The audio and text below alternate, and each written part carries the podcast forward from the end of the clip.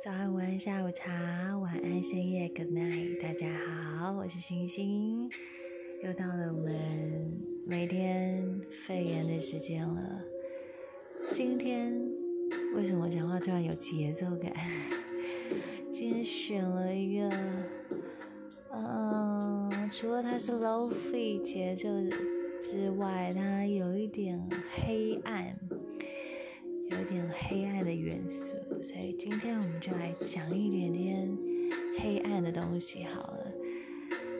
嗯，关于人性的探讨，新之前有说我可以想非常多的话题跟大家讲啊，但今天先不要讲那么那么沉重的那一面，我也没有搬什么心理学啊跟人类学出来，还有哲学，我还没还没，之后之后等着我。等着我的废话。今天呢，要讲的是我非常喜欢的一种类型的片子，就是丧尸片 （zombie）。我超爱，我不知道是从什么时候开始的。嗯，小时候嘛，呃，我忘记是从哪一部片，应该是《恶灵古堡》系列。从《恶灵古堡》系列开始啊，就有一大堆那种好莱坞的好莱坞的电影啊，什么毁灭倒数、倒数毁灭还是毁灭倒数二十八天，然后要不然就是什么，不管它是 B 级娱乐还是暗黑搞笑的，就是只要它是 zombie 片，我都会看。所以我有点记不太清楚他们的片名，因为他们片名都很像。然后呢？可是因为从《恶灵古堡》开始嘛，《恶灵古堡》之前不是《古墓奇兵》哦，《古墓奇兵》是安吉丽娜·琼丽哦，《恶灵古堡》是另外一个，它有它它是应该是电玩嘛，电玩然后变成那个电影的《恶灵》呃，《恶灵古堡》系列到后面不知道。第几集开始，我就觉得有一点我看不太下去，就是它那个生化生化怪物已经变到有点吓人，就是有点恶心，就黏黏的啊，还是怎么样？然后舌头长长的，还是就是它就变得是因为它是生生化科技制造出来的变种东西嘛，所以就很可怕。然后。女主女主角她也她也变得是一个生化人，她也变得很可怕。虽然她还是一样美，但是我后来就是有点看不太下去。就是如果她走向科科科幻类，然后它的样子有点接近于异形那个那个方向的时候，我就会。我就会倒退路，我就觉得哦不不不，好不要不要，我还是喜欢那种哇 的那种那种僵尸就好，丧尸就好。那嗯，说到一系列的丧尸的电影呢，呃，先讲电影好了，就不得不提之前嗯韩国的电影那个那叫什么？失失速列车嘛，失速列车第一集我觉得很很值得推荐，然后第二集我看完之后就嗯，刚刚在看那个嘛？玩命关头嘛？好，我不爆了，你们自己去看这样。那还有布莱德比特演的那个叫做《末日 Z Z 战》吗？还是 Z 时代？末日 Z 战吗？我也有看。他那个，他那个，他那个，嗯，僵尸的速度是跑跑跑跑跑快到可以这样叠起来那种，就是当然有大量的特效，然后我觉得超紧张、超刺激，我就我有点快吐的感觉。嗯，还有那个像是恶搞片，我觉得很好笑的，就是《失乐园》嘛，尸体的尸，失乐园，就是他们就是好像逃到一一座游乐园里面，然后就大开杀戒，我觉得。那里面就是算是，呃，这些主，呃，这这类主题里面，我觉得记忆点还蛮深的片。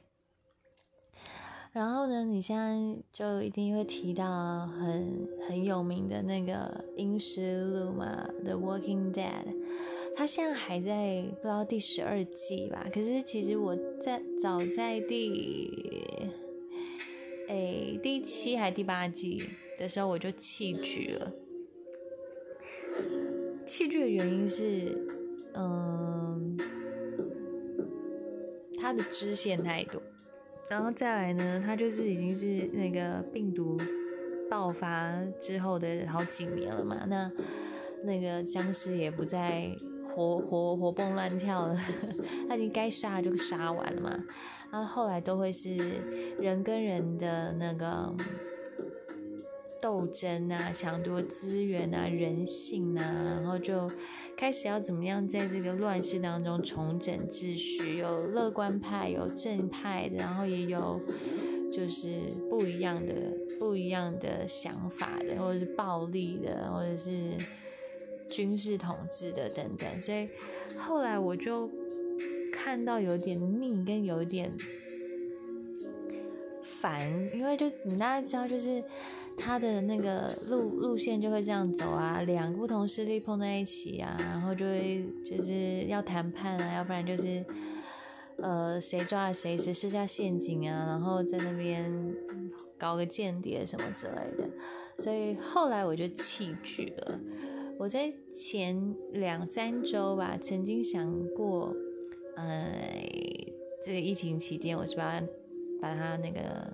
抓回来再看一下，我就点开第十二集，第十二季的最后一集，我点进去想啊，天哪，怎么 已经变成这样了？这些人是是谁？然后怎么他现在长这样？然后我中间到底错过什么？然后就稍微看一下，就觉得嗯，好算，还是关掉。我觉得我还是想要看那种前期刚爆发的那种那种感觉，因为你后面就会。大概就知道那个丧尸 zombie 杀光了，你就找杀人了这样，所以就弃剧。然后呢，就在弃剧的时候，不晓得在看，呃，网络上不知道看谁在那边分享说，哎，有另外一部叫做《Fear the Walking Dead》。我说，嗯，怎么有一部叫做，呃，就是我没有听过。然后后来我就找发现啊。它跟它跟《阴尸路》是还蛮蛮像的，就是他们是爆发的时间是差不多，然后但是他们是在美国的，呃，就是不同的地方，不同的地方，就是它的时间轴的脉络应该是一样的。然后而且呢，《Fear the Walking Dead》里面，呃。可能它里面有的一个人吧，我记得叫 Morgan 吗？然后也是《英式录》里面会出现的，不知道第几集。他们好像就是会有关联这样子。那我现在才开始在看这个《Fear the Walking Dead》呃的第第，我看完第一季，第一季六集嘛，然后我现在在看第二季。那因为身为一个。僵尸迷，身为一个僵尸迷，其实都知道剧情该怎么走，那只是会去想要看到是他想要说故事的方法嘛，就是刚 turn 的时候，然后那些人不知道不知道眼前这个东西是什么，然后怎么样怎么样去面对。我觉得刚开始就是会看这些。故事情节跟剧情，然后后后来，我我猜我应该也会看久了会腻吧，所以我现在还在前期当中，就是大家都还在逃难啊，大家都不知道这世界发生什么事情啊，然后就是才刚厘清他们现在眼前正在面对的其实是已经不是他认识的人了，已经不是他的家人，然后是是一个怪物，是一个死后复活的怪物这样。所以，这是我最近利用闲暇时间，在居家办公、居家居家防疫的时候，把那个那个那个影集抓出来看。这样，那为什么要突然讲到 zombie 呢？就是就是，其实有的时候不知道哎，不晓得大家会不会有这种想法，就是你会去想象跟幻想一下末日。末日来的时候会是什么样？这这个社会会变成怎么样？这世界会变成怎么样？我们不能说这一股疫情已经像是末日，但的确有那种末日的征兆。好，心没有在危言耸听，我只是说我我自己的想法而已。就是我觉得有那种味道，就是呃大量的人染疫死亡，呃旱灾缺水，然后经济经济萧条，然后很多事情停摆，呃有些地方可能开始有经历一些暴动，或者是。我觉得这是非常考验人人的智慧跟毅力，然后真的很有很有末日的氛围，所以我们在就是我啦，我自己在看这一类的这一类的片子的时候，嗯，我我会我会想，我会想，如果是我会怎么办？然后我有时候会常常出席，会说啊，可是啊，可是我。我觉得那个戴眼镜的人应该会比较早死，像我是近视嘛，我是近视，所以我平常戴眼镜也戴隐形眼镜。那可是你知道戴眼镜非常不方便啊，我就会想，我在奔跑的时候，我眼镜滑掉了，喷飞了，我就我不就糟糕了？然后要不然就是我我首先要补给的，除了水、食物跟武器之外。那身为女生、女子啦，哈，大部分的女子都会有惊奇。那那我应该要去搜刮卫卫生棉还是卫生棉条这样？然后然后就想说，嗯，我跑不快怎么办？还有我不会开车，我也不会骑车怎么办？然后就会开始想一些现实当中我我就是没有的能力，然后才。意外的发现自己的那个呃生存生存本能非常的低，我我应该就是那种爆发前期就跑一跑跑一跑，然后被东西绊倒，然后就被 被吃掉的那一个人呢，要不然就是被同伴抛下，然后拿去拿去挡挡后面一群一群僵尸的那个肥羊这样。我每次看到那，我就觉得哦，如果是我怎么办？我应该没办法跳上这个高台阶，或者是，或者是速度敏捷的冲去哪里去拿枪什么的。但后来想想说，搞不好在这个在这个乱世之中，什么能力都可能被激发嘛。因为你最最最基本的本能就是为了要活下去，你为了要生存，你就会想尽办法。不择手段，所以看这些这些 zombie 片，除了我觉得我不是看爽，虽然我也我觉得这很奇怪哦，就像我没有办法看恐怖片，那个恐怖片是鬼片，你说那种惊悚悬疑的，或者是。嗯，我觉得那种连续杀人狂的我也很害怕，可是又想看又又又害怕。然后，但是我最最怕的是那种不可预知的的的力量的那种鬼片，那种恐怖片，我是绝对不会看的。就你叫我看，我也不会看这样。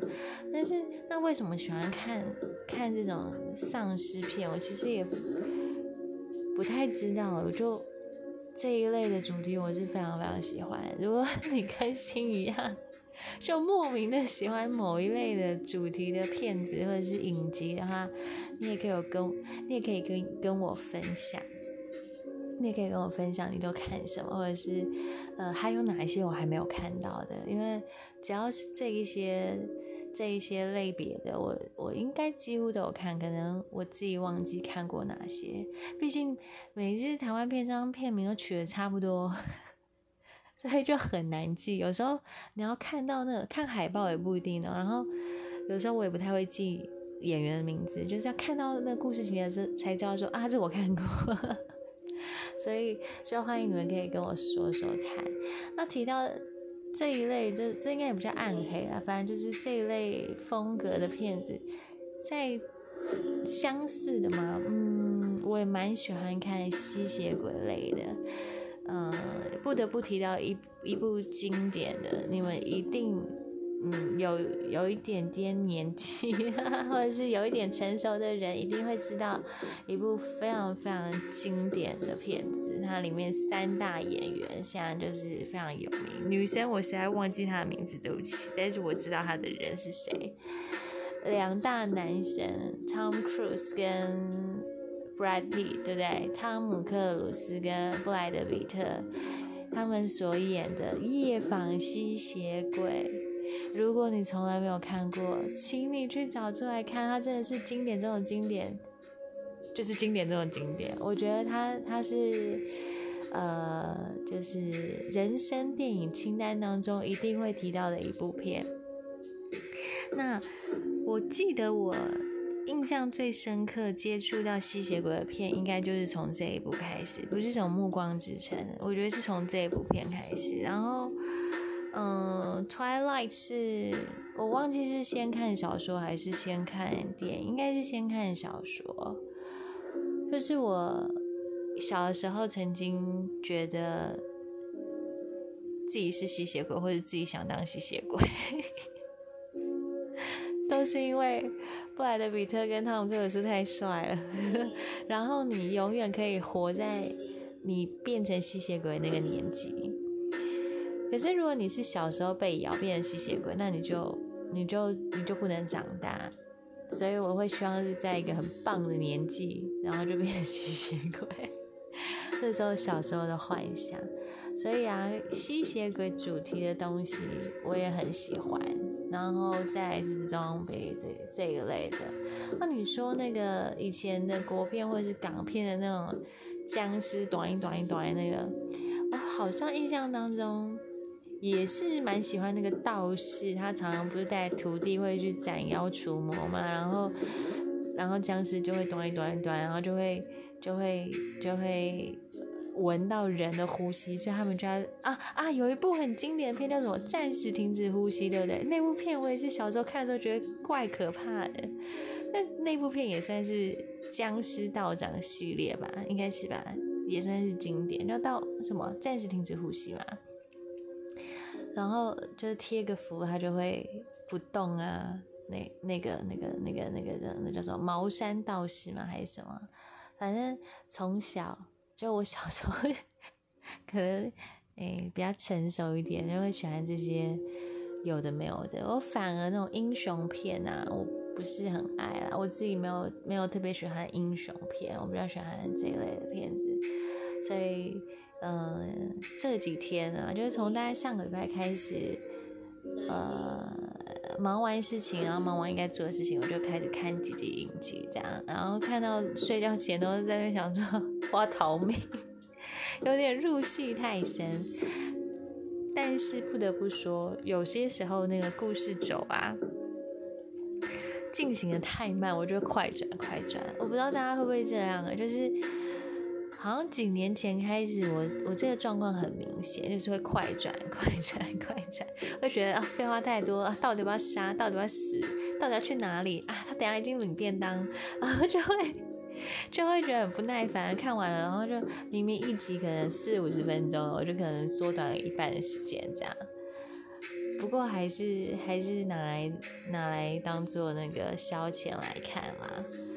嗯，就今天想跟大家睡。分享这，这也不是碎，你也是跟大家分享一下，因为我不知道哎，只要是只要是僵尸片，我其实应该都不太会错过。可是太过于，哎，我我记得刚开始看这一类片的时候，还会还会那拿枕头啊遮住，或者是拿手遮住，觉得哇那个爆头或者是怎样怎样，实在太实在太可怕。可是现在是可以边吃东西边看。有没有人跟我一样，可以边吃东西边看，然后还可以先暂停，然后去忙一下手边的事情再回来？是不是真的大量接受到之后就觉得，嗯，这个不会说它它当然是道具，但就是在眼前，然后就觉得嗯还好这样。可是我有时候想说，那如果真的发生发生在现实生活当中呢？发生在现实当生活当中，我要怎么？然后，我觉得我可能应该是前几个 领便当的人，然后那个，然后那个死法就是被自己蠢死，然后就是犯蠢，然后害自己死掉的那种。然后呢，我觉得还有一个很很有趣的观察点，就是你会发现他们在这些故事或者是影片或者是电影里面，他一定会设计有那种人性之善面，就无条件的牺牲奉献跟大爱跟拯救所有的人，觉得在这个时候危难当头，我必须要拯救。那有一些是摇摆的，他可能他的。至亲死掉之后，他就他就变化，就黑化也好，或者怎么样，就是他是一个摇摆的，他是观察观察的角色。那有一些人物设定就会是他一开始就是只是想救自己跟救自己的家人，然后到最后，如果连自己的家人都会妨碍到你的话，他就会狠心下手，就是一切为生存是不二法门，就是。生存至上的这种，你也不能说他是他是里面的反派，或者是他是里面的邪恶分子，那就是他觉得要存活下来必须要使用的手段。所以你就是在看这这一类片子的时候，就可以看到说，哎，我们我们的那个那个人设人物设定应该都是这样，然后你就会。觉得很微妙的是，不知道就是编剧还是导演，他们应该不会是有意无意的。我觉得他们不会是有意无意的，一定是在女性的角色或者是在哪一个人种的角色上面给他赋予是什么样的什么样的。类别，他是好人派啊，还是盲从跟随者，然后他还是坏人派？我觉得现在的编剧是很聪明的，他不会给大家那种刻板印象。然后，所以我觉得这也是很值得去思考和观察。就是，哎，当当你在在这个末日来临之际的时候，你会是什么样的人？或是可能你也从没想过，你第一件事情要搜搜刮的是什么？我会想到眼镜跟隐形隐形眼镜，然后卫生棉，还有什么？就是大量的水跟大量的食物啊，然后还有武器吧。因为我觉得我力气很小，所以是不是要我？我虽然有在运动，但是因为我个子不高，所以有时候会觉得说那些人人高马大的。的的的人类，他变成僵尸的时候，我要怎么样？我要怎么样去去那个防卫自己，抵挡他们？据说我们看那个那个那个影片或者是影集里面，用他们是用什么小刀吧？小刀还是刀？去去刺去刺那个呃去刺那个 zombie 的眼窝嘛？然后要不然就是呃。从太阳穴这样刺进去，或者从后脑勺刺进去，但据说这我不知道，我不确定。据说其实人骨是没有那么容易刺进去，是需要一些力量的。这样，对我我知道那当然是道具，那是当然道具。但是我就有时候就会想象力比较丰富，就想说，如果发生在现实世界里面，有一只 zombie 跑过来要咬我，我到底要怎么办？好，讲讲就觉得自己很有趣，为什么会想这些？有的没有的呢，嗯，不过就跟大家分享看一看。然后啊，因为这一类的这一类的这个这叫比较嗯黑暗的黑暗的音乐，其实你有时候听啊，反而是放松诶，就像我现在，我觉得在这个。嗯，这个晚上的时候，我现在录音的时候是晚上，这一集录音的时候是晚上的十点半。然后我听着，我不会觉得它是诡谲的，我我反而会觉得它是另外一种放松。不知道你们试试看好不好？你们试试看找这一系列的呃的音乐听听看，会不会给你有一种。不一样放松的感觉，或是好像是你去那种主题餐厅啊，或是主题 party 啊，或是或者是 lounge bar 可能会放这一类，但是是看不同时段。总之就推荐你们嗯，这种风格曲风的音乐，然后也跟你们分享一下我。这也不是怪癖，这就是我比较喜欢的类型的影片跟那个影集，还有最近把把这些东西抓出来复习这样。那 复习了，如果你有什么好的 zombie 的大片可以推荐给新的话。不一定是好莱坞的，反正就是你有看过，或者是这类题材的东西，如果你也很有兴趣的话，也欢迎呢写信给我，或者是在我的 Instagram 留言给我，告诉我你也是同样的粉丝来着，然后可以跟我好好的聊一聊，交交流，不要说交流啊，交呃对了，就是交流一下心得也好，因为我也还蛮想看看还有没有。